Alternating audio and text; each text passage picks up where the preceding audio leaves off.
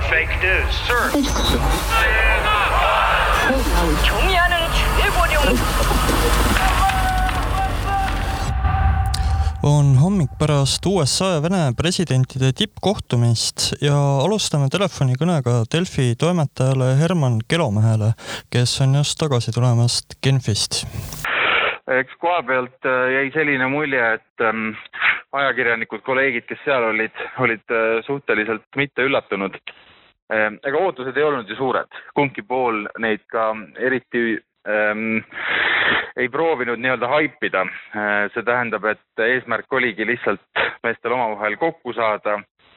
arutada asja, leida mingisuguseid väiksemaid koostöökohti, leppida kokku mingisugustes väiksemates ähm, arengutes nagu suursaadikute äh, teineteise pealinnadesse tagasisaatmine ja sellised asjad. Aga laias laastus võib öelda, et äh, tegemist on kohtumisega, millel otsest tulemust ei ole, kui mitte pidada silmas seda, et vähemalt ühine ähm, siis avaldus suudeti kohtumise lõpus teha ähm,, kinnitada teatud koostöökohad üle, et soovitata, soovitakse konstruktiivselt äh, edasi minna, aga eks mõlemad mehed tunnistasid, et äh, teine pool ei ole muutumas ja, ja tõenäoliselt paljuski USA-Venemaa suhetes jääb ka edaspidi samaks nagu varem. Kuidas sa kahe mehe nii-öelda personaalset keemiat iseloomustaksid, mis omadussõnadega? see keemia ei ole ilmselt äh, selline, nagu oli näiteks võib-olla Putinil ja Trumpil, noh, kui Putinil ja Trumpil oli seda, no igal juhul oli seal, eks ju, sellist äh, teineteise mõistmist rohkem, kui oli Bideni ja Putini puhul. Bidenilt on natukene võib-olla ka keeruline eeldada seda, et äh, et, et see keemia tal Putiniga tekiks või, või et ta üldse tahaks seda, et selline keemia oleks, eks ju, me räägime siin äh, USA presidendist, kes on nimetanud Putinit tapjaks. Äh, ja, ja selle situatsiooni pealt on keeruline tekitada mingisugust sellist ähm, nii-öelda kuidagi mängulisemat või, või, või sisukamat või, või, või, või, või värvikamat suhet kahe inimese vahel. et ta saab olla ainult töine, nagu Biden ka ütles, et see on, see on strictly business mm. -hmm Äh, kuidas arvasid asjast äh, kohapealsed Šveitsi eksperdid ja elanikud, mis kasu see väikesele riigile toob, sellise ürituse võõrustamine? Ma pean tunnistama, et mind üllatas see, äh, kui uhked nad ikkagi olid või et kui palju neile see korda läks, et mulle endale, ma läksin sinna sellise eelhoiakuga, et noh, Genf on selline niivõrd suur linn rahvusvahelise poliitika mõttes. Äh, eraldi ju eksisteerib selline termin nagu International Geneva rahvusvaheline Genf, ähm, mis siis koondab kõiki neid rahvusvahelisi organisatsioone, seal on, eks ju, ÜRO paljusid erinevaid rakukesi, ÜRO enda suur esindus, veel väga palju rahvusvahelisi organisatsioone ja, ja nad ütlesid ka, et nad on küll harjunud sellega, et mingeid teatud tänavaid suletakse ja nii, aga nad ei olnud harjunud sellega, et terve see suur linnakeskus, mis asub Genfi järve kaldal, Äh, pannakse täielikult kinni, et inimesed olid üsna elevil, oli noh, üksikuid poodnikke, restoranipidajaid, kes said otse pihta äh, kaotasid mõne päeva käibe. Nemad olid rahulolematud, aga, aga noh, inimesed rääkisid meile ikkagi sellest, et neil on au, et see on ajalooline päev Genfi jaoks ja ja, ja, ja seda nähti seal palju suuremana, kui ma oleksin oodanud Šveits kui riik on neutraalne, aga mida need šveitslased seal ise arvavad Bidenist ja Putinist? eks Šveitsi võib pidada ikkagi suhteliselt tavaliseks lääneriigiks. Äh, no ma ise rääkisin ühe Šveitsi äh, ajakirjanikuga, kes töötab ühes neljast suuremas äh, meediamajast siis välistoimetuse juhina. Ja noh, tema kirjeldas seda asja nii, et äh, nagu Lääne-Euroopa riikidele ikka omaselt selline ähm, pompöösne amerikanism, mida nägi kindlasti Trumpi ajal, aga on nähtud tegelikult kõigi varasemate presidentide ajal, võib-olla enne Trumpi kõige rohkem Bushi ajal Iraagi sõjaga, sellise, selle perioodiga seoses. äh, sellised asjad šveitslastele üldiselt ei meeldi. mis puutub nüüd sellesse, et ähm, kas äh, fakt sellest, et Šveits ei kuulu ei NATO-sse ega Euroopa Liitu ja on, on nagu Euroopa äh, lääneriikidest üks väheseid, kes mitte kummaski ei ole liige, siis ikkagi mm, tegemist on demokraatidega ähm, suhteliselt suhteliselt pean rõhutama, liberaalse riigiga on tegemist, mis muidugi noh, immigratsiooni küsimustes, sellistes asjades võib olla ka konservatiivsem. nii et mis puudutab selliseid asju nagu Navalnõi mürgitamine või ka Valgevenes lennuki kaaperdamine või Ukraina sõjaga ähvardamine, noh, šveitslaste radaril sellised asjad registreeritakse ikkagi ära kui, kui suured patud ja, ja nii nagu see ajakirjanik mulle ka ütles, et Šveitsis on ühte tõsimeelset Putini fänni ikka raske leida mm. -hmm, aitäh. mida võiks äh, nüüd prognoosida pärast seda kohtumist Lääne-Vene suhetele sinu ja sinu allikate arvates? see on hea küsimus ja eks ähm, seal kohapeal ka Biden ju rääkis, et kuskil kuue kuu pärast võiks olla see hetk, kus me, kus me markeerime, et kas sellel kohtumisel, kohtumise järel on ka mingisugune paranenud seis toimunud. no eeskätt võiks äh, see tähendada seda, et äh, selliseid asju nagu see lennuki kaaperdamine, mille puhul on äh, kõigil raske uskuda, et Venemaal ei olnud seal mingit osa, või noh, loomulikult Ukraina äh, piirile sõjaväe koondamine, noh, et kui kõik sellised nagu eriti teravad asjad jäävad, ütleme, lähema poole aasta jooksul ära, siis, siis ütleme kusagil aasta lõpus võiksime me ju öelda, et, et me oleme vähemalt lähedal sellele USA-Venemaa suhtele, mida Biden tahab ja, ja juba enne kohtumist kasutati siin kahte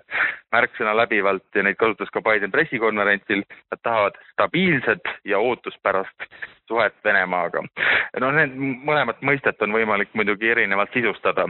aga, aga igal juhul tundub, et USA tahab nagu selle Venemaa problemaatilisuse kuidagi pausile panna, et kas see õnnestub, eks näis ja stuudios on äh, Kaarel Kressa ja Eesti Päevalehe välistoimetuse juht Kadri Veermäe. Äh, alustaks siis muljetest, kuna need on ilmselt selle kohtumise puhul kõige olulisemad. esiteks, kas Vladimir Putin suutis millegagi üllatada?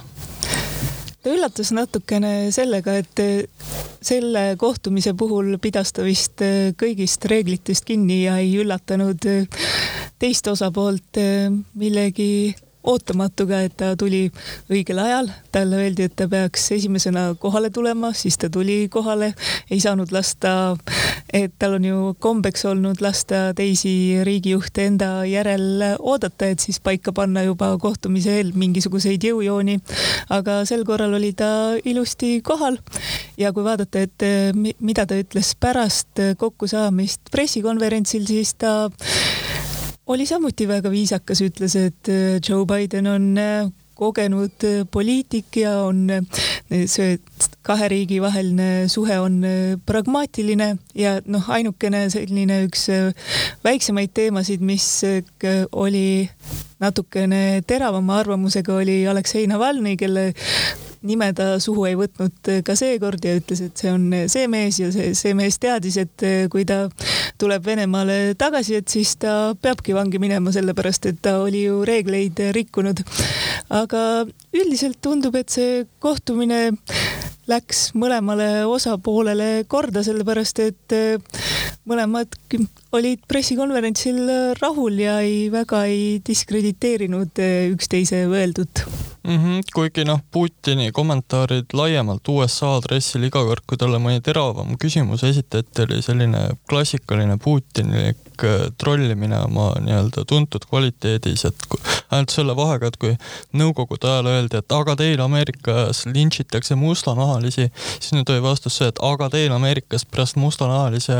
lintšimist olid tänavatel rahutused ja me ei taha, et seda Venemaal juhtuks. ja niimoodi absoluutselt igale asjale, et selles mõttes ja seda küll, et ta ei jäänud äh, vastust võlgu, et kui äh, räägiti poliitiliste oponentide tagakiusamisest, siis Putin tõi ohtra sõnaliselt välja, et see ei ole ju mingisugune Venemaa unikaalne poliitika, sellepärast et tõesti vaadake, mis USA-s toimub.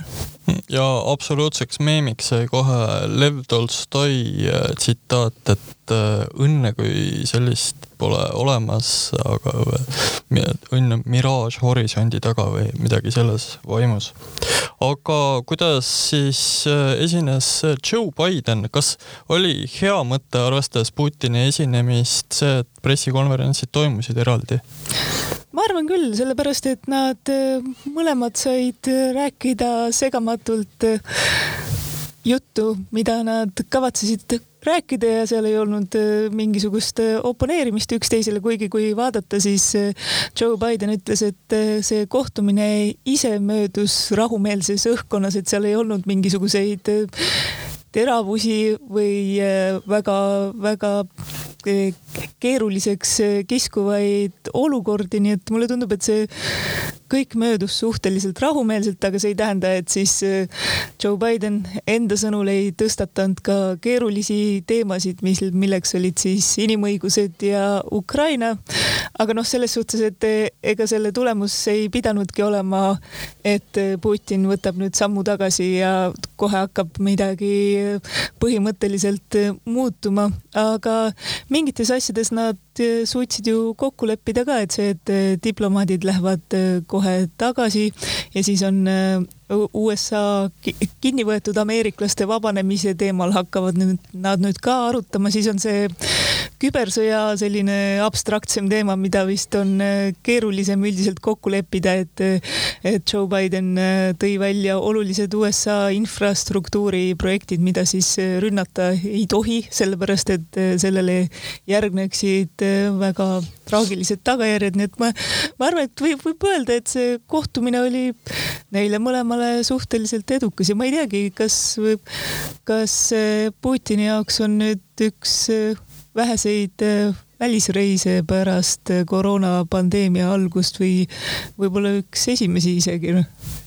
jaa, vägagi võimalik. Sellepärast, et ta võõrustas Lukašenkat hiljuti, aga jah, ega tal palju kohtumisi ka Venemaal ei ole vist olnud. jah, sest ta käis, Borrell käis küll Moskvas ja seda me mäletame, aga ta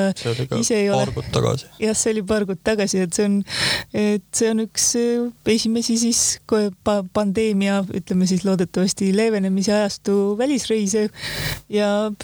midagi paha ei ole öelda selle kohtumise kohta käega katsutavatest tulemustest, siis tõesti saadikud tulevad tagasi, kuigi noh, et saadikud tulid ära ka sellistel asjaoludel, et ühel soovitati tungivalt lahkuda ja teine kutsuti ise kodumaale, siis kõigepealt vist äh, tehti seda Vene saadikuga ja siis äh, Ameerika, jah, äh, igal juhul huvitav oli kuulata eriti Bideni juttu küberrünnakute teemal, kus ta rääkiski, et igale